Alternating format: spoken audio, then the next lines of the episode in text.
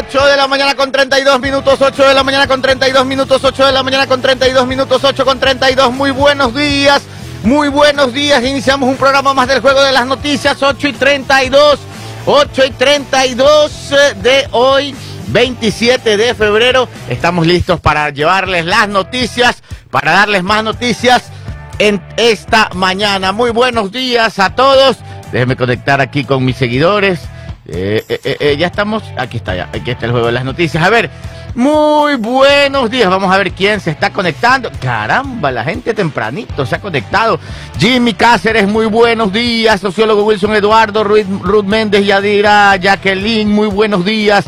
Bienvenido Armijos, Darío Valdeón. Oiga, aquí hay algunos nuevos, ¿ah? Patricia Jaime, buenos días. Andrés Wilson Chichandes, si ya lo saludamos. Johnny Villegas, Luisa, Luisa Guerra, de, eh, eh, que está en Nueva York, parece desde Nueva York, nos saluda. San Cloud, Florida, eso es cerquita, eso es porque sí, por Orlando, ¿verdad? Fran Chucho Rivadeneira. Sí que viaja Fran Chucho Rivadeneira. Anda por todo Florida dando vueltas. Alexandre Henry Ruiz desde Madrid. Oiga, qué lindo Madrid. La verdad es que me parece una ciudad espectacular. Creo que está frío, ¿no? Hay una ola de frío por allá. Eh, Dani Fabián Rodríguez, muy buenos días. Eh, eh, buenos días a todo el panel. Nos dice desde Newark, ya está Juliana Bajaña desde Newark, New Jersey. Buenos días. Glenda Rodríguez, Gilberto Gómez, muy buenos días. Dice, buenos días, quisiera enviar un mensaje a mi sobrino y felicitar por salir bien eh, del trasplante de corazón. Mire esto, que le hicieron en el hospital Universe de Columbia, en el Alto Manhattan. Eh, oiga, felicitaciones, una operación de trasplante de corazón y salió muy bien. Felicitaciones al, al sobrino de Ciro Gilberto Gómez con esta nueva oportunidad que le da la vida, que la aproveche y que viva con toda la pasión de un corazón nuevo y renovado. Eh, Fran Chuchurreveneira, buenos días. Susana dice que San Claudio es la parte pelucona, dice de allá de, de, la zona de por Orlando. Eh, Diego Zambrano, buenos días desde Estados Unidos también. Bueno, ahora sí. Buenos días a todos. Paul Minuché, muy buenos días. Buenos días, mi querido director. Buenos días, compañeros. Ya toda esa enorme y bella audiencia del Juego de las Noticias. Bienvenidos al mejor noticiero del mundo mundial, el Juego de las Noticias a través de Sucre 700 AM, Sucre FM 95.3, en streaming, en YouTube, en Sucre TV Online y en todas las plataformas virtuales. Nos puede encontrar. Bienvenidos. Director, hoy día quiero irnos a los Alpes suizos para conversar acerca de estas historias importantes de los seres humanos y todo comenzó en esos Alpes suizos cuando un atleta retirado quería crear un calzado para los corredores y que le brindara una sensación totalmente nueva. Entonces se une él con un par de amigos a, idear, a, inventar, y, se les ocurre cortar las mangueras, estas mangueras que uno utiliza para regar el césped, cortar las mangueras recortar la suela de los zapatos deportivos y empezar a pegar estas mangueras, eh, o lo que cortaban de las mangueras, empezarlas a pegar eh, como cilindros en la suela de los zapatos. Saben que empiezan a consolidar la idea, que la presentan a uno de los monstruos de la, de la industria deportiva, como es Nike, y Nike les dice, no, la verdad es que no me interesa. Siguen un poco más adelante con su proyecto y hoy en día son los dueños de la marca On Cloud. Ah, ellos son. Que auspicia Roger Federer, el creador es Steve, o perdón, Oliver, Oliver Bernhardt, es un suizo. Oliver Bernhardt es un suizo que conjuntamente con dos amigos, con Caspar Copetti y David Aleman, crean esta empresa y como le digo, se la presentaron un grande, pero son 10 años que vinieron aproximadamente ideando, creando, luchando. Hoy en día ocupan casi el 7% del mercado de zapatos en Estados Unidos. Es una locura, es una locura, pero y tienen el oficio de Roger Federer, así como en su tiempo Michael Jordan lo hizo con Nike. Pero miren cómo la perseverancia, lo que les quería comentar es acerca de esta otra historia que les traigo, acerca de perseverancia, de, de creer en, en, lo que uno, en lo que uno está, en lo que uno está haciendo y que tratar de que eso, eso que uno está haciendo, sacarlo adelante. Ellos creyeron en ellos, ellos dijeron, no estamos locos, estamos tratando de inventar un sistema para que los atletas tengan una mejor pisada y tengan una, una mejor, un mejor rendimiento, y así hoy en día son uno de los zapatos que se está vendiendo a nivel mundial durísimo. Oiga, yo sí he visto esos zapatos, ¿ah? están de moda. A mí no me gustan, pero están de moda. Dicen que son, Son muy cómodos. Me parecen feos, son para, pero, pero están de son moda. para corredores. Son para corredores. Pero aquí este es- que lo- que corredor poco, porque lo usan más de defensa, o sea, de moda, de moda, no de defensa, de moda, pero a la gente le gusta, los usa. Este, a mí no me gustan en lo particular, pero están de moda esos zapatos y son medios caros. ¿ah? Sí, cuesta como 100, más de 100 dólares. No Más hay ninguno 100. que baje, no hay ninguno, el modelo más barato no baja de 100 dólares. Todos, todos son arriba de 100 dólares. Sí, sí, sí. ¿Y ya los venden en Ecuador? Yo no sé si los venden aquí, No lo sé. porque si aquí, aquí no los había visto mucho. 8 de la mañana con 38 minutos. Buena historia, Jenny Marjorie Calderón. Buenos días. ¿Cómo están? Buenos días. Yo no tengo ninguna historia, solamente buenos días. Que tengan lindo martes, todos martes 2 por 1 así que aprovechenlo. Buenos días. Buenos días a Johnny Denis Parrales desde Babahoyo. Muy buenos días, nos está escuchando a todo volumen. 8, ¿quién me llama por acá? ¿Quién me llama? Estoy en noticiero. Eh, eh, eh, escriban un mensaje. 8.38. Eh, eh, eh, eh, Pítolo con el control de sonido. ¿Qué pasa, loco? Y en el control de video para las redes sociales. Stalin, vacaciones, regato. Y listo para el cambio de las 9 de la mañana. El Chacal, Osvaldo Cedeño, ya llegó también, está aquí desde Ah, esa es la temprano. manito que se ve por ahí. Sí, sí, Oh, sí. wow. No, eh, yo creo que no es que llega temprano, sino que lo botan temprano en la casa. Ya, ya, ya, sal de aquí ya. Ya, ya, ya, ya. Ándate. a trabajar. 8 de la mañana con 38 minutos, 8 con 38. Hen Alexander Henry Ruiz dice, sí, las temperaturas a 5 grados centígrados. Ah. Esto es Madrid, si no me equivoco, ¿no? No vi bien cuál era, pero sí, yo creo que es Madrid, Madrid, Madrid, Madrid, Madrid, Madrid. Yo creo que sí. A ver, ¿qué les iba a decir? Eh, eh, eh, eh, alguien me escribe por acá que se me va. Se me va, se me va. Víctor León, buenos días. Víctor León Galvez. Cristian Flores también, muy buenos días. Dice, dice, dice, dice. Ah, Eloy Borja, conjunto con su esposa, nos están viendo en YouTube y escuchando por la radio. 8 de la mañana con 39. Pero este, eh, leyó lo que dice, No. buenos días, mi esposa, viendo, viéndote en YouTube, pero escuchando en la radio. Hoy ni desayuné, ni desayuno me dieron por salir al carro a escuchar el programa. Pobrecito, amigo. Qué horror. Hoy a mí Señora, dele, sí. dele- dele desayuno. Hoy sí me dieron desayuno a mí tempranito. Tempranito. Ya me tendieron bonito. 8 con 39. A ver, este, antes de iniciar. eh, te, te pasé, Stalin, un video de unos ladrones que están quieren asaltar un carro y, y el, y, el- y la persona acelera. Esto lo publicó José, Jo- José, José, José, José Delgado. José Delgado. Ha sido eh, condecorado, por el presidente de la República. Se Bien lo merecido. merece, se lo merece. Muy sí. merecido, muy merecido. Muy buena labor. ¿Tienes ahí Stalin el video? ¿Sabes por qué les voy a poner? Miren, hay una banda que está robando y ya están identificados porque ya varias personas me han escrito, vari- varias víctimas Ay, no. y son los mismos Ah, Porque la gente- operan por un, algún sector específico. en el norte de Guayaquil. La Ah. gente los ha identificado porque José Delgado publica, yo los veo, me pareció me parecieron conocidos. Ah, le sacó pinta. Le saqué pinta, me parecieron conocidos. Ahí están, mire, ese gordo patucho, ese es el que me robó a mí. Ese gordo patucho es el que me robó a mí. Estamos viendo en YouTube, este señor tuvo la oportunidad de acelerar y ese otro un poquito más alto, esa es la parejita que me robó. A mí me robaron en el sector de Sauces, frente al Gran Aquí, y esto no sé si es la Narcisa de Jesús, pero es la zona donde operan. Ese patucho desgraciado es el que me robó. Ahí lo estoy viendo. José Delgado publica el video. Yo los reconocí y, he hablado con bastante gente, ahí hice unos temas periodísticos y, y bastante gente los ha reconocido. Obviamente no se les ve la cara, andan con mascarilla, Claro, pero porque estos sujetos andan con mascarilla, con gorra, Ajá. mírele las camisas, son, o sea, tapados totalmente. pues. pero esos son. Ese patucho gordo es el que me apuntó de frente y el otro más altito es el que me puso la pistola en la cabeza. Pero varias personas los han reconocido. ¿ah? Yo soy uno de esos. Pero esa es una banda que opera en el norte ¿Y este de la video ciudad. dónde fue tomado? Este, si no me equivoco, déjeme ver, porque aquí José Delgado es el que lo publica. Y dice en el norte de Guayaquil. Sí, en el norte de Guayaquil, No dice pero- dónde. pero- Pero, parece ajá. que es- eso me parece la narcisa, no sé si le parece. Sí, a no, mí también eh, me parece la Narcisa. sí, es la avenida Narcisa Jesús. ¿Qué hay ahí? Pues más en la adelante. Narcisa de Jesús, el sector El Limonal. ahí, ahí más adelante me robaron. El gran aquí es ahí cerquita. Ya, ya, ya. ya. Esa banda opera ahí, en la está, zona. entonces.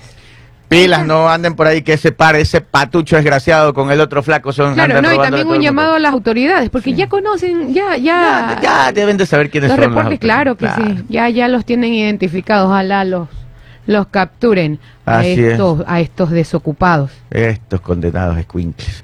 8 de la mañana con 42 minutos, vamos a las noticias. Eso, vamos con información. Una vez que entre en vigencia el acuerdo comercial con China, las motos provenientes de ese país comenzarán a bajar de precio. Así es, amigos. Las motos chinas bajan de peso con el acuerdo comercial, pero no se emocionen.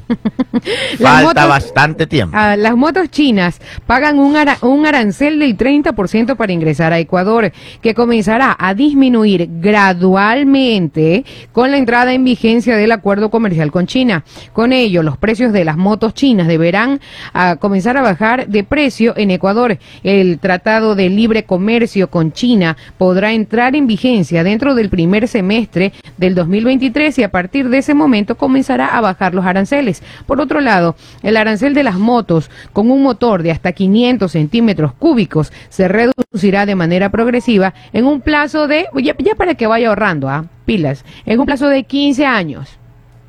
15. Ahorren, sí. Vaya haciendo el chanchito para que ya pueda comprar. Las motos más pequeñas, de entre 50 y 500 centímetros cúbicos, van a ir bajando poco a poco en 15 años. no Sí, crea que es mañana. Es que a veces nos emocionamos, pensamos que es ya, que es rápido. Mientras que, eh, mientras tanto que el arancel de las motos superiores a 500 centímetros cúbicos, que también pagan un tributo del 30%, será eliminado. Mire usted, pero en un lapso de 20 años. Sí, y las motos chiquitas de 50 centímetros cúbicos para abajo no bajan, no, no se elimina nada. Ah, ok. Por si acaso, las motos eléctricas que me preguntaron el otro día, este, eh, las motos eléctricas ya no tienen arancel hace rato Mm. y van a seguir así. Va a seguir sin arancel. Miren, para que tengan una idea, las motos de 50 a 250 centímetros cúbicos, ¿por qué 250 si dice extra 500 en el, en el texto? Pero bueno, en el 2023 cobraron el 30%. En el 2024 va a bajar al 28% arancel. Ya. En el 2025 al 26%, 2026 al 24%, 2027 al 22% y así va a ir bajando. Dos puntitos, dos puntitos, dos puntitos hasta llegar al 2038 en 0%. Así que no crea que mañana van a bajar. No crea Vaya que ahorrando. Sí, vaya ahorrando para el 2038. Para que se compre su moto. 9, 8 de la mañana con 44 El que se minutos. planifica tiene. Minuche, ¿tú tienes moto? No, quisiera, Quisiera, ¿no? quisiera andar en una, una pasola. Si ya Vehículos. le digo que ¿Eh, ¿Qué? me- me- Pero Si le digo tú que pasó, me- parece que andas en patines. por eso digo, si me parezco a Hightower, si me subo a Aveo, me parezco a Hightower en la Academia de Policías. Así, en la pasola, así me quiero ver, en una pasola. a ver, eh, las tricimotos, las tricimotos o vehículos de tres ruedas que provengan del país asiático, o sea, China, también pagan 30% de arancel, ¿de acuerdo? Eh, con el acuerdo, la mayoría quedará libre de aranceles en 15 años, algunos en 10 años. Ajá. Así que pilas también la gente que trabaja en tricimotos, pero recuerden, las tricimotos tienen que ser homologadas. Y para manejar, que esto va a caer en oídos sordos, pero tiene que tener casco, licencia, ser mayor de edad, Pero respetar es las leyes todo de lo que tránsito. no pasa. Exacto. Pascuales, la Florida. No. Todo eso está invadido de tricimotos. Y cada, y que cada da que les hacen un operativo le caen a golpes a los agentes. Así es. Y son más bravos. Uf. Uy, no, son tremendos. Yo no sé cómo pueden utilizar el transporte. Las personas utilizan el transporte y van conducidos por unos niños.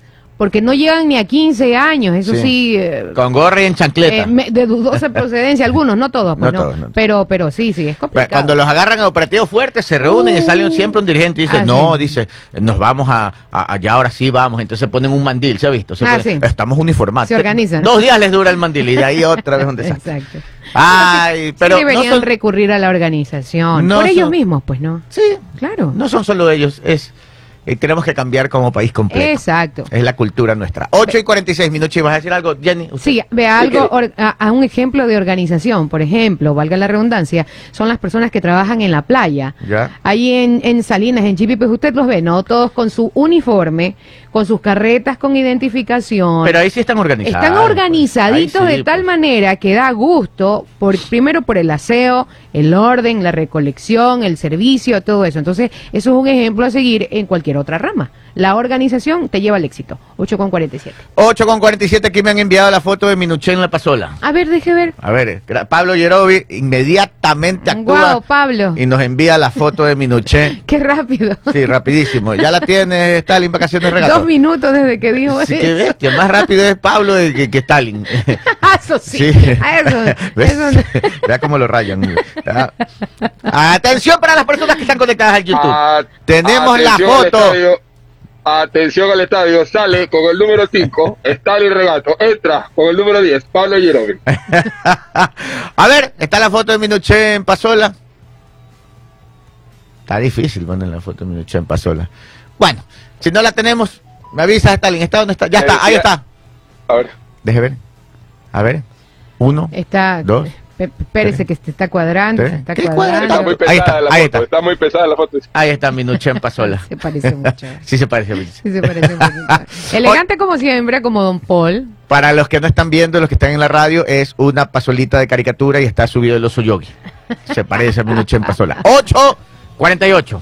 Minuché, ¿vas a decir algo? Se imaginan Sí, a Minuché que- subido en Benito. dice. También queda así mismo, así queda apretadito. Le decía que tomar en cuenta que cuántos, cuánto ha incrementado el mercado de, la- de las motocicletas, que en el 2023 se vendieron casi 200 mil motos en el país, que representó un aumento del 5.4% de lo que se había vendido en el 2022, según lo que eh, indicó la empresa eh, de automotrices del Ecuador, AED. O sea, tenemos un mercado de motos que está en incremento. Sería bueno también el que, el que se, se vaya también regularizando eh, a los compradores de las motos y, y todo lo que hay alrededor de la moto, porque sabemos que también es uno de los vehículos principales que utiliza la delincuencia para delinquir. Oigan, ya, ya, ya dijimos ayer, ayer dijimos este, este, lo de 15, que tiene el 15 y que no tiene el 15. Ahí le pasé, mire. Sí, Sí, claro. Ayer pasamos sí, ya ayer lo dijimos. sí. Acuérdense que hicimos un cálculo matemático que nos cayó Sí. encima. Todos bien. los matemáticos, físicos, matemáticos de nuestros oyentes nos cayeron encima. Máster Ujú. en matemáticas, cálculo integral 1, 2 y 3. Hoy estamos un poco más avispados. Tarifa cero de IVA. Tarifa cero de IVA, Jenny. Energía eléctrica, agua potable, alcantarillado y recolección de basura. ¿Lo tienes, Minuché? Esos son los básicos que sí, que, que están con tarifa cero. Y los que los básicos que llevan tarifa 15, televisión por cable, internet, telefonía celular y telefonía fija. Gracias a Marcos Noriega que nos envió este resumen. Le vamos a volver a repetir algunos gastos del hogar que subirán. El alquiler o pago de arriendo de inmuebles destinados para vivienda tiene tarifa cero de IVA. Tarifa cero de IVA. Este, ¿lo tienes, Minuché? Vamos. ¿Qué tarifa al 15%? Al 15%, televisión por cable, internet, telefonía celular y telefonía fija. Las de abajo, Minuché. Cocinas, refrigeradoras, lavadoras, secadoras, aires acondicionados y ventiladores, cortinas, colchones, duchas eléctricas, bombas de agua, muebles de sala y comedor. Este está haciendo publicidad de la ganga. Sí.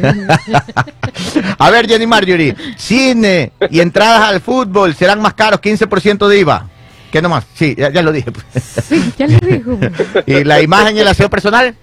Eh, a ver, ¿qué dice? A ver, con co- el 15%, el corte de cabello y el tratamiento para el cabello, lavado y cepillado de cabello, manicure, gimnasio, papel, shampoo, jabón, pasta de dientes, desodorante, cremas, talcos, rasuradoras. Sin IVA, sin IVA, toallas sanitarias y pañales.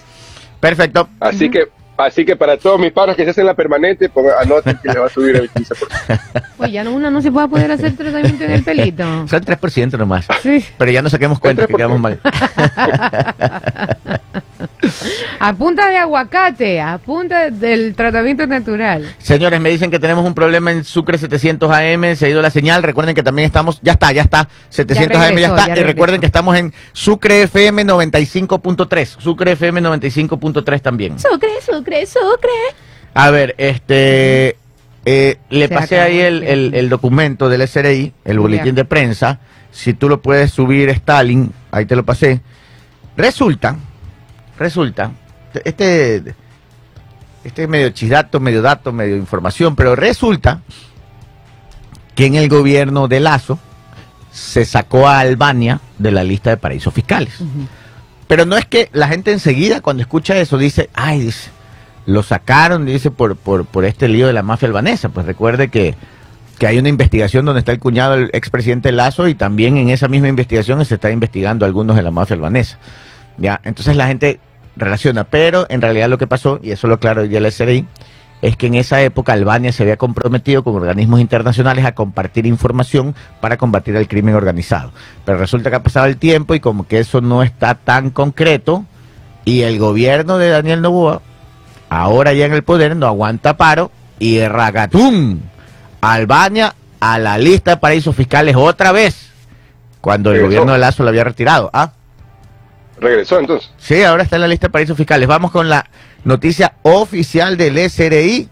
Recuerden que de ahí proviene una de las mafias más poderosas que opera en el Ecuador, que es la mafia albanesa, pues son de Albania. Así es. Albania vuelve a la lista de paraísos fiscales de la que fue retirada durante el gobierno de Guillermo Lazo. El Servicio de Rentas Internas, SRI, fortalece la lucha contra el crimen organizado, realizando controles más rigurosos a los activos y transacciones ubicados en paraísos fiscales. Esta medida tiene como objetivo fortalecer la integridad del sistema tributario internacional, combatir la evasión fiscal y cualquier fuente de financiamiento al crimen organizado. En la última actualización realizada, se reincorporó al listado Albania y se añadieron eh, tres jurisdicciones al listado de paraísos fiscales, las cuales son la República de Armenia, Georgia y Gibraltar. La decisión de reincorporar a Albania en la lista se basa en una revisión exhaustiva de la situación fiscal de ese país, al verificar que no cumple con los estándares internacionales en materia de transparencia fiscal y cooperación internacional. En 2022, en la administración del gobierno pasado, Albania fue retirada de esta lista luego de comprometerse con el Foro Global a implementar un intercambio de información fiscal. Sin embargo, en ese momento no había un dictamen definitivo sobre la efectividad de estas medidas. A inicios de este año, el Foro Global emitió una calificación que indica que la información que comparte Albania no es satisfactoria, lo que implica una ausencia de un intercambio efectivo de información. Además, se destaca que Albania permite actividades que no se desarrollan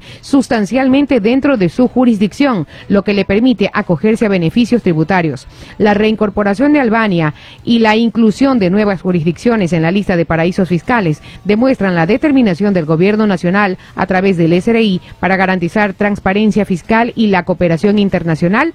Em, para que una jurisdicción sea parte de este listado, actualmente la norma indica que debe cumplir mínimo dos de tres condiciones. Desarrollo no sustancial de actividades, ausencia de un efectivo intercambio de información e imposición efectiva baja o nula. 8 de la mañana con 54 minutos. Miren lo que es la El radio. ¿Qué cosa? Le, le puedo desarrollar el desarrollo no sustancial de actividades, esas tres, de, esas dos de tres que tienen que cumplir el- el- las el- los países, perdón, que para no ser considerados países fiscales. Desarrollo no sustancial de actividades significa que debe permitir actividades que no se desarrollen dentro de la respectiva jurisdicción o régimen con el fin de acogerse a beneficios tributarios. La ausencia de un efectivo intercambio de información es que no entreguen, si no entregan información bajo los estándares que se estipulan internacionalmente, también son considerados paraí- paraísos fiscales. Y la imposición efectiva baja o nula trata de que una tasa efectiva de impuestos a la renta tiene que ser inferior al 60% de la tasa efectiva del Ecuador. Cinco minutos para las nueve. Cinco para las nueve. Este, y, y son varios países. ¿Cuál otro? Rumania está ahí, disculpe. No, no, no. No, Gibraltar dijo. Ah, Gibraltar. No, no está Rumanía. Ah, ya, me equivoqué. Bueno, oigan, miren lo que es la radio. Sí, hace unos momentos hablamos de el señor que decía que su sobrino había sido Sí, sí, claro. trasplantado. ah, trasplantado de corazón. ahora nos escribe Franklin Mena, aquí al YouTube, y dice, yo soy el sobrino de Gilberto Gómez, el, el que fue, el que recibió el corazón de, de trasplante. El trasplante de corazón. Al que operaron de trasplante de corazón, así es, ¿Ya? que fue mencionado hace un momento. dice. Sí, claro. Escuché el nombre de mi tío y después escuché lo que decían. No tenía sobre esto, no tenía idea sobre esto, me alegro. Imagínense, un sobrino se entera que su tío ha salido excelente de la operación de trasplante del corazón. Qué, emoción, ¿ah? Sí, qué lindo. Qué emoción. Imagínense la familia, qué emoción. Ujú. di- Así es, superar un esto. guerrero. Y ahora ese guerrero tiene un objetivo en la vida. Vivir Vivir a plenitud. a plenitud, nada que andar amargado, mm, nada que andar frunciendo la, el ceño, que andar peleando con la vecina. A ver, aquí están hablando de, lo de la... Es que el- la eliminación del código de ética. El presidente Novoa eliminó el decreto del código de ética de Guillermo Lazo. Pero todo en la vida tiene una explicación, Ajá. la cual no conozco. o sea, la, existe la explicación. Debe existir. No la conocemos, Lo pero que- existe. no voy a opinar hasta no entender el contexto de- en el que se dio esto aquí. ¿Tenemos recomendaciones? sí, claro. Nadie Vamos. lo. ¿Ah? Yo, yo ayer lo escuché- ayer lo leí de un oyente también que tenía la misma reflexión, pero es que hay varias cosas y no se entiende por qué lo hacen, no lo ha explicado el presidente, el por qué, el, cuál es el motivo, porque dentro de lo dentro de lo que explica, de lo, dentro de lo que él, él indicó que fue al inicio del, gobierno, que lo hizo, que lo, lo tum- tumbó lo que, lo que no tenía lazo, eh, él ahí a- en ese código se habla de, de no utilizar los bienes del gobierno para cuestiones personales, del, del nepotismo, de no tener eh, este, familiares dentro de, unas cosas peculiares, pero no se entiende por dónde, por qué va por ahí, ¿no? Es raro. Me voy, a, me voy a, a esperar a leer bien de qué se trata para poder opinar. Mientras tanto, me acojo al silencio. Sí, 8 de la mañana con 50. Pero la noticia, ¿cuál es? Para los que no sepan. Guillermo Lazo creó un código de ética para la función ejecutiva, en donde ponía varias reglas que tenían que cumplir sus funcionarios para no caer en cosas reñidas con la ética y la moral. ¿Ya? Con código y todo tuvo un millón de problemas. Es más, están algunos hasta enjuiciados, otros huidos, otros agarrados, ya los van a, depor- a, extraditar hacia acá y todo. Pero bueno, este, ese código de ética, que digamos que no fue tan efectivo, pero tiene cosas interesantes en su texto, este, ha sido eh, anulado con otro decreto. O sea, así como se hace, se deshace. Entonces se hizo otro decreto y se le dio de baja. O- El pero- decreto número 86 es el que se ha hecho. Ajá. El 23 de febrero es el que se hace el nuevo decreto. Así es. Ahora lo que hay que ver es las razones por las cuales se le dio de baja, que tendría que leer un poco y entender las razones. En el mismo decreto de- deben estar lo- los, ¿cómo se dice? Los las motivaciones. Los incisos. Ah, la Sí, motivación. las motivaciones, sí. Nu- dos minutos para las nueve. Tenemos recomendaciones Sí, y señor. después les tengo un chisdatazo. Sí, señor. Vamos con las recomendaciones. Entonces apoyen con su like, pilas, para que se venga luego de la pausa el chisdato del día. 8 de la mañana con 59 minutos en la Universidad Bolivariana del Ecuador. Pasa de la silla universitaria a la silla profesional. Conoce nuestra oferta académica con mensualidades desde 140 dólares. Carreras de grado, programas especiales dirigidos a técnicos y tecnólogos, programas de validación por el ejercicio profesional y programas de posgrado. Más información, ingresa a www.v.edu.es o visítanos en nuestras oficinas de información en Guayaquil o en el campus de Durán. V, la Universidad Bolivariana del Ecuador, es la universidad para ti, para mí, la universidad para todos. Y recuerda que con Sportbet tus alegrías se multiplican cuando pronosticas con tus amigos. Ingresa a tu perfil de Sportbet, busca el código de referidos, compártelo con tus amigos y obtén bonos especiales. Arma tu comunidad que pronostica. Esto nunca fue tan fácil y tan emocionante. Y recuerda que con Sportbet la mejor jugada La haces La tú. haces tú. 8 con 59, vamos al corte comercial, volvemos. Tengo un chisdato. Se van a caer para atrás. También venimos con el resumen de noticias. Ya volvemos.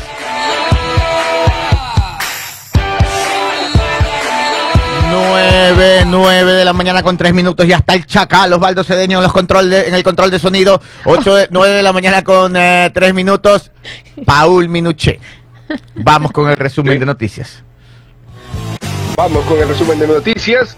La consulta popular y el referéndum tendrán 11 preguntas y se celebrará, se celebrará el 21 de abril de 2024. El Consejo Nacional Electoral CNE aprobó la convocatoria para este proceso electoral que tendrá un costo de 60 millones 22 mil 933 con 86 dólares.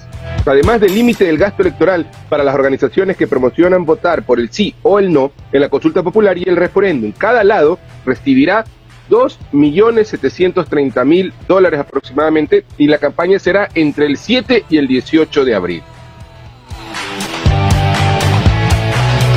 Este jueves 29 de febrero a las 8 y 30 de la mañana se posesiona en la Asamblea Nacional al ex juez doctor Merck Benavides como vocal suplente del Consejo de la Judicatura designado por la terna enviada por la Defensoría Pública.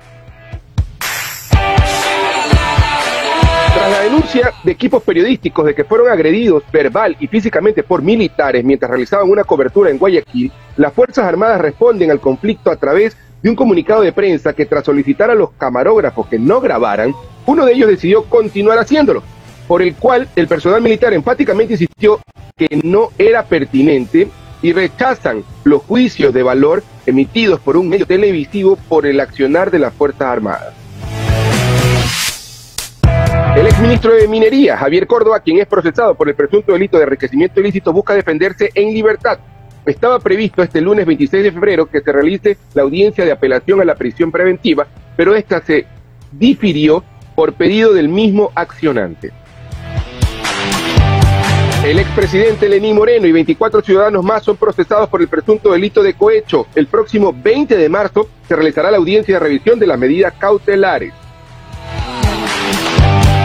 Jueza dicta medidas cautelares de prohibición de salida del país, uso de dispositivo Ay. electrónico y presentación periódica lunes, miércoles y viernes ante Fiscalía para tres vinculados de la presunta participación en el asesinato del fiscal César Suárez, quien fue victimado el pasado 17 de enero en Guayaquil.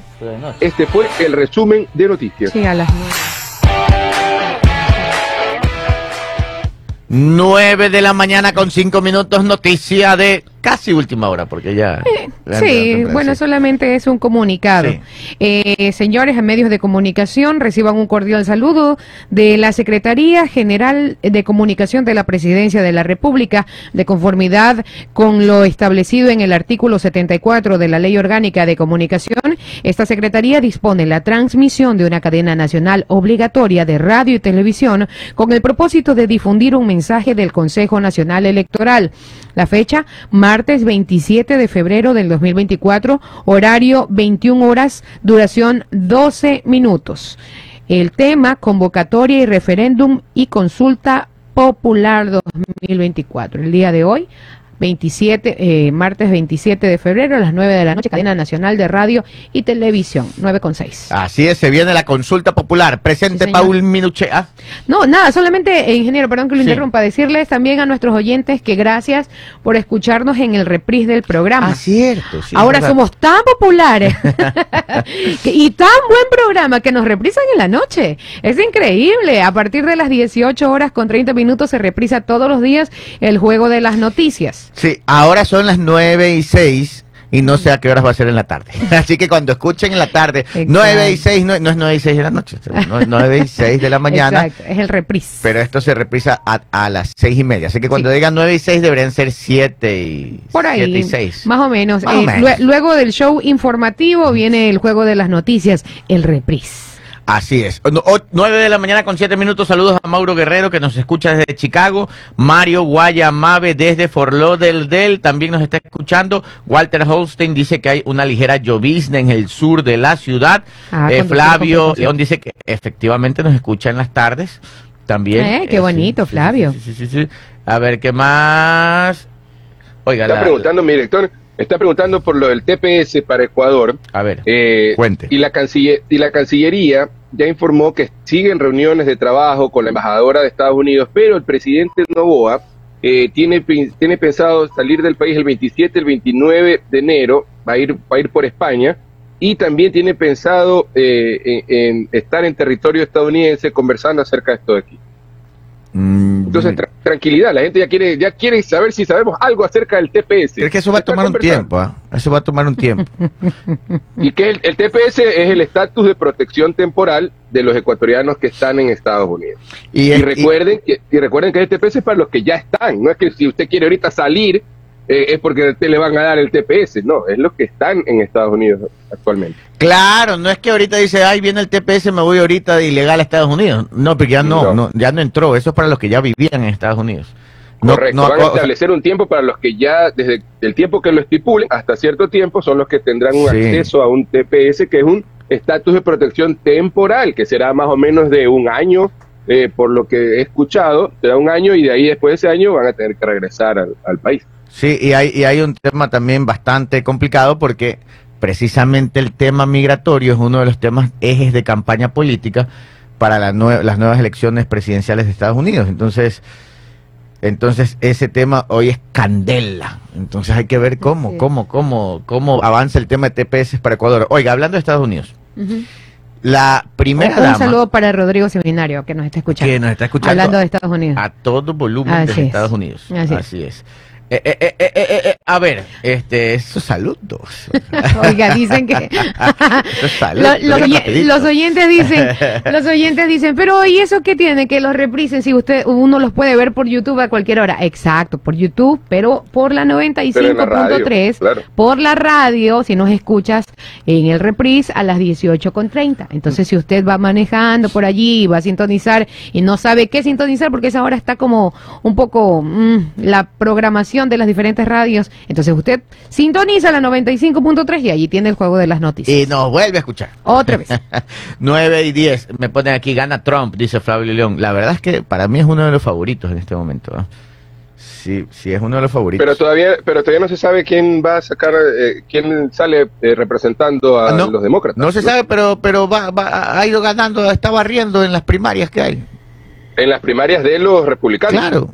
Por eso, para republicano es favorito, y- pero, y pero le también es favorito. Y Porque, creo- no, no sé si usted estuvo cuando, cuando lo conversé, que se escucha, se escucha de algunos analistas políticos en Estados Unidos, y ver. le digo que Michelle Obama representa al otro lado, ah, bueno, ahí ya es otra cosa. Pero, pero, eso es lo que, claro, porque el- los, los demócratas estaban cegados porque vaya Biden, pero Biden ya vemos que no está en condiciones. No, pues ya no, No. puede. Con Biden perderían, Ujú. posiblemente, ¿no? Porque no está en condiciones. No, no, ya no está operativo. Ahora, Michelle Obama es tremenda candidata. Mm. eso es lo que yo pienso, Ya por eso es que digo, hay que esperar No, que los ya. demócratas ver que, eh, ver qué, qué sacan. ¿no? También están actuando fuerte, porque miren que incluso hasta esta famosa eh, cantante, que no sé si vaya a llegar o no a Ecuador, Taylor Ah, Swift, Taylor. está abogando por el tema de los derechos humanos, la migración, y se está tirando para el lado de los, de los demócratas. Demócratas. Y los republicanos le están haciendo también lo suyo en las redes sociales, atacándola también, pero eh, va a ser va a ser fuerte, la, la campaña política en Estados Unidos va a ser fuerte. Interesante Mire, Ángel. Ángel Camacho nos saluda desde Monza, Italia. Ay, Un abrazo, qué bonito. Yo qué quiero ir a Italia. Kamala Harris, no, no creo que tenga las posibilidades. 9 y 11. A ver, bueno, yo no sé, yo, yo creo nomás, ¿no? Yo que analista, no he visto encuestas, no he visto nada. Ya, A 9 y ver, 11. ¿Tenemos chisdato? Sí, dato, A ver. presente. El que con lobo se junta. Aullar aprende. Presente, Minuche. Fantasías politiqueras de ayer y hoy presentan el chisdato del día de hoy, martes 27 de febrero. El que, que con lobos se junta. Aullar aprende. Resulta que en la época del gobierno de Guillermo Lazo, Ujú. ustedes re- recordarán que había la intención de un acuerdo de paz con las bandas que ahora han sido calificadas como terroristas. Había las inten- ligeras intenciones. ¿Se acuerdan que había el documental este Pajo Plomo de la Posta que al final decían hay que firmar la paz, que era lo que pedían en ese documental? Y se comenzó a hablar de un acuerdo de paz. Entonces se creó una comisión y esta comisión, si no me equivoco, era para el, ¿cómo es que le decían? Déjeme, que que aquí lo tengo, porque ese era el, el- ese era el- el- la narrativa, ¿no? El meollo. el meollo del asunto, ¿dónde está? Transformación. era una comisión para la transformación del sistema penitenciario, ¡Oh, wow! ¿ya? Así todo rimbombante. Entonces se creó una comisión. para. Sí. Y esa comisión, entre otras, estaba una señora colombiana que se llama Claudia Garzón. Claudia Garzón era comisionada de esa comisión. Ah, ya. Entonces ella se reunía con líderes de bandas y todo para tratar de transformar los sistemas penitenciarios y también llegar a un acuerdo de paz. Luego la señora Claudia Gar- Garzón, me acuerdo que tuvo unas cuantas polémicas porque ya decían que ella se met- entraba a las cárceles en algunas ocasiones sin permiso y como era tenía labia, ¿no? Una Sí, labia Era la viuda. con ese acento colombiano. No era la viuda, tenía labia. No, pues que, no, pues que, no, pues que doña Claudia. Ah, Era la Ay. Ahí Jenny Martin. No era viuda, ni la viuda. No, no, no, no. Era labiosa. Perdón. labiosa. Corrijo, reculo sobre la abogada. Entonces ella iba a las cárceles y, y- lanzaba toda su labia Claro. con acento colombiano y cuenteaba a la gente y entraba. De ¿Qué eso no lo digo yo. De la época hubieron denuncias de algunos directores de cárceles que decían que ella los había engañado para ingresar. Ujú. El clímax de todo este lío, Así es. ya era el top de esto aquí, llegó cuando ella se metió a sí mismo sin permiso y con, con amagues y todo, fue a celebrarle el cumpleaños a Fito. ¿Qué? Eh, sí, aquí en la regional de Guayaquil. Oh, wow. Ya. hasta ahí la gente como que ya, y como que ya la comenzaron a ver medio mal, porque ya mucha ñañería. Ya, ¿no? pues que Sí, ¿no? y dicen que era frecuente las visitas, ¿no? Sí, entonces la gente ya como que, oh, Oh, oh, algo está. Oh, pasa algo, dice ¿qué la pasa algo, perdón. entonces resulta que pasan los años Ajá. y salta un video. Tranquilos. ¿Cómo han pasado Houston, los años? hay video. Hay video. Oh, Pedrito. Houston. Tenemos Sí, video. Sí, falta Pedro para que nos haga el, el Houston en el video. Bueno, resulta que esta señora no ¿Qué, solo qué? era comisionada, sino que también ella daba clases. Ah, Sí, daba clases de. de, había- por ejemplo, tenía una clave, una clase de prevención de la violencia. Oh, bueno. Y adivina quién le daba las clases. ¿Quién? Las daba de forma virtual. Ah, ella las daba de forma se virtual. conectaba al Zoom y daba clases. Y adivina del otro lado del Zoom quién estaba. ¿Quién? Las academias de policía de, de Colombia. Ya. Ella le daba clases a los policías A de los formación policías. colombiana, Oh, wow. a los cadetes. Wow. Doña Claudia era docente, por supuesto. Era docente. Pero Docente. resulta que últimamente salta un video Saltó el video. donde la gente cae como condorito para atrás No, ¿por qué? y queda sorprendida. Porque esta señora que, Claudia Garzón, Sí. Que daba, estaba dando clases en la escuela Miguel Antonio Larenas Pizarro a oficiales en grado de subtenientes Vaya, vaya. de Colombia, ella estaba dando las clases. Y de repente. Y la gente veía como que raro, ¿no? La, el zoom, ¿no? De fondo se veía un- una pared y unas imágenes de, de pinturas de metralleta, de dólares, de Ah, pistolas, de revólver. La gente, ¿y de dónde es que está? ¿Y dónde? Claro. Y en eso la señora dice, les voy a presentar a mi compañero de cátedra de hoy día, en pleno Zoom. Ajá. Y del otro lado todos los eh, est- estudiantes de subtenientes de Colombia, de la escuela esta, Miguel Antonio Larenas. Y ¿Quién? y ¿Quién? quién era el ayudante de cátedra. ¿Quién? El Queremos profesor saberlo. colaborador. ¿Quién? El asociado de cátedra. No puede. Ya, dígalo. Nada más que Adolfo Macías Fito. ¿Qué? Tara, ta, tara. Ella estaba en la celda de Adolfo Macías, se conectó al Zoom y comenzó a dar clases de prevención de la violencia. No. Y lo invitó a la clase a Fito. Y Fito les dio también una charla a los muchachos. Mire qué charlo. Les dio buenos consejos. Hay que estudiar para superarse. No. Escuchemos el video del reportaje de Colombia en donde hablan de este tema. En Colombia, Claudia Milena Garzón Padilla, quien se ha hecho conocer como especialista en criminología y asesora de seguridad, había logrado ser contratada por la Policía Nacional desde 2014 como instructora de los oficiales que adelantan estudios en la Escuela de Posgrados de la Policía. Un saludo para todos, soy Claudia Garzón Padilla. En pesquisas de inteligencia policial de ambos países se encontró suficiente material sobre la estrecha amistad entre el macrocriminal ecuatoriano y la instructora colombiana de policías. Al parecer la colombiana visitaba con frecuencia a alias Fito en la prisión. Unos medios de Ecuador revelaron que ella intentó ingresar de manera ilegal al reclusorio de alias Fito para celebrarle su cumpleaños como si fuera de un familiar cercano. El año pasado, la colombiana aprovechó su acceso al macrocriminal para hacerse acompañar de él en un encuentro virtual con sus alumnos, los oficiales de policía que estaban en Bogotá. Esto va para todos mis alumnos. Nos encontramos acá en Guayaquil trabajando fuertemente en la transformación del sistema penitenciario. Estoy, hoy nos acompaña Fito, que hace también por la transformación. Él sabe que ustedes todos son policías. Desde su celda adornada en la pared con su figura en medio de dos fusiles, una pistola y un fajo de dólares desteñidos, además de un televisor y otros lujos, el hoy prófugo de la justicia ecuatoriana le envió un mensaje a los policías colombianos. A la vez que están trabajando, se pueden superar, eh, estudiar, porque ser policía no es una profesión. ¿no? El jefe de la temible banda Lochoneros de Ecuador también aprovechó para elogiar a su amiga. Ella es una excelente mujer, muy profesional, y a la vez nosotros los que estamos acá la consideramos mucho. La instructora de policías que ha tenido contratos en la escuela de posgrados, en la DIJÍN, en la SIJÍN y en el IMPEC, según se jacta en sus publicaciones, distribuye su tiempo entre los peligrosos delincuentes y los altos mandos de la policía colombiana, con quienes se toma fotografías y de quienes recibe condecoraciones. Ahí está. Para que vean, cosa seria la señora. Cosa seria la señora. Ay, ay, ay. Ahí está. Hasta, hasta el 23 de octubre la sacaron de los colombianos y ya la- las escuelas de Colombia dicen, no, lo que ella ya ha dicho es cuestión de ella, nosotros solo la contratamos nomás. Claro. Ya se lavaron las manos también, sí, pues. Es que sí, pues ellos no son responsables de lo que haga la señora. No, sí, eh. pero, ah, ya, ya, y dice Ella daba clases desde el 2014. Dicen que esta clase fue en el 2023. ¿Qué clases, señora Claudia? ¿Qué clases? Clase, clases magistrales. Oiga. Clases magistrales. Incredible, así es. Y como la, la introducción Because de nice. la, la- la introducción de la charla motivacional de Fito es él sabe que ustedes son policías, le dice. Ay. Estudien, porque ser policía no es una carrera. Sí. No, estudien. Sí, ahí les da consejos. Fito. Porque el que escucha consejos llega viejo. Así Llega es. viejo. 9 de la mañana con 20 minutos. Ahí tienen su chisdato para que vean, ¿ah? ¿Cómo es la vida? ¿Ah? Ay, ay, ay, bien dicen que la mujer es el ser más astuto.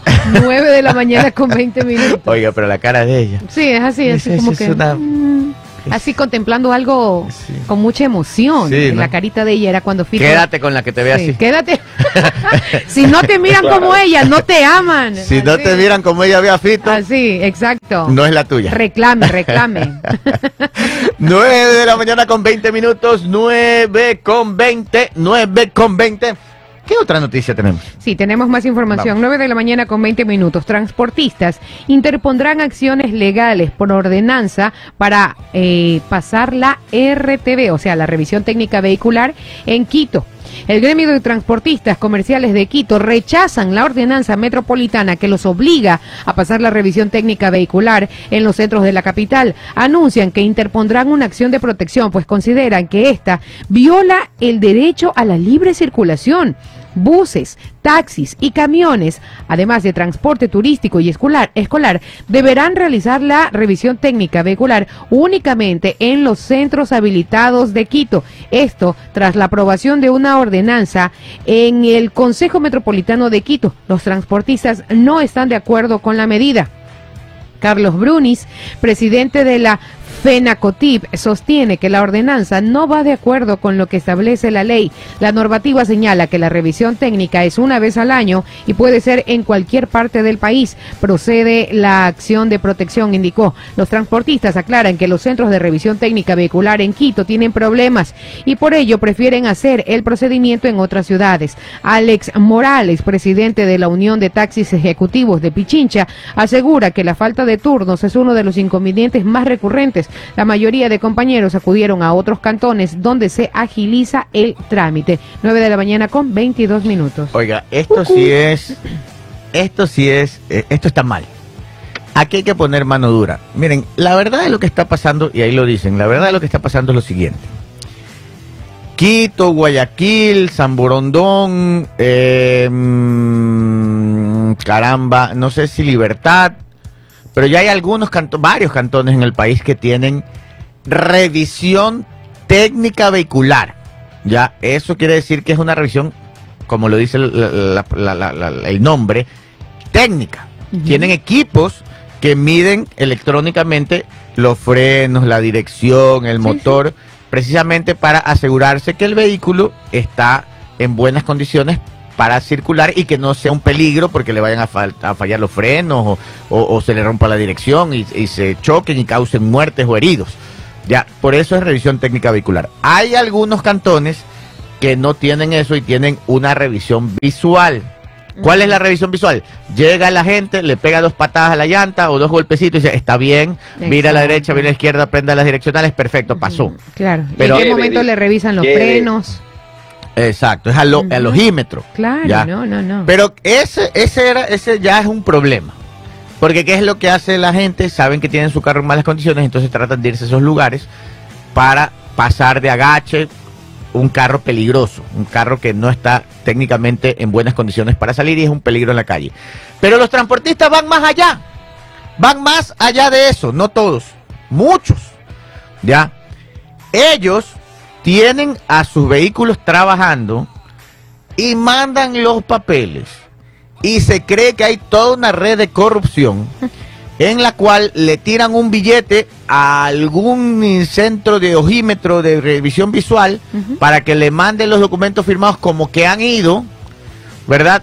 Y ahí pasen la revisión. Por eso es que ustedes ven que hay buses que, que, que se les salen las llantas, que se le van los frenos y se estrellan porque no han hecho la revisión. ¿Qué es lo que dicen los dirigentes transportistas que ahora caretucamente, no todos los transportistas, pero por lo menos estos que hablaron en un reportaje de Teleamazonas, caretucamente, dicen que van a meter una acción de protección con un juez para que no los obliguen a ir a hacer revisión técnica vehicular. ¿Y por qué? No es porque no quieran, dicen ellos, sino porque hay mucha fila, dicen la revisión técnica vehicular. Que cuando meten, en- entran a la página web para sacar turno es muy difícil. En cambio, en otros lugares es más fácil. Hay un cantón Esmeraldas, donde hay 2.000 vehículos en el cantón y han revisado 30.000.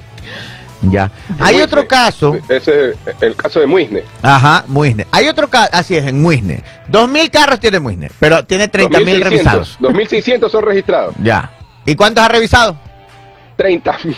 30 mil.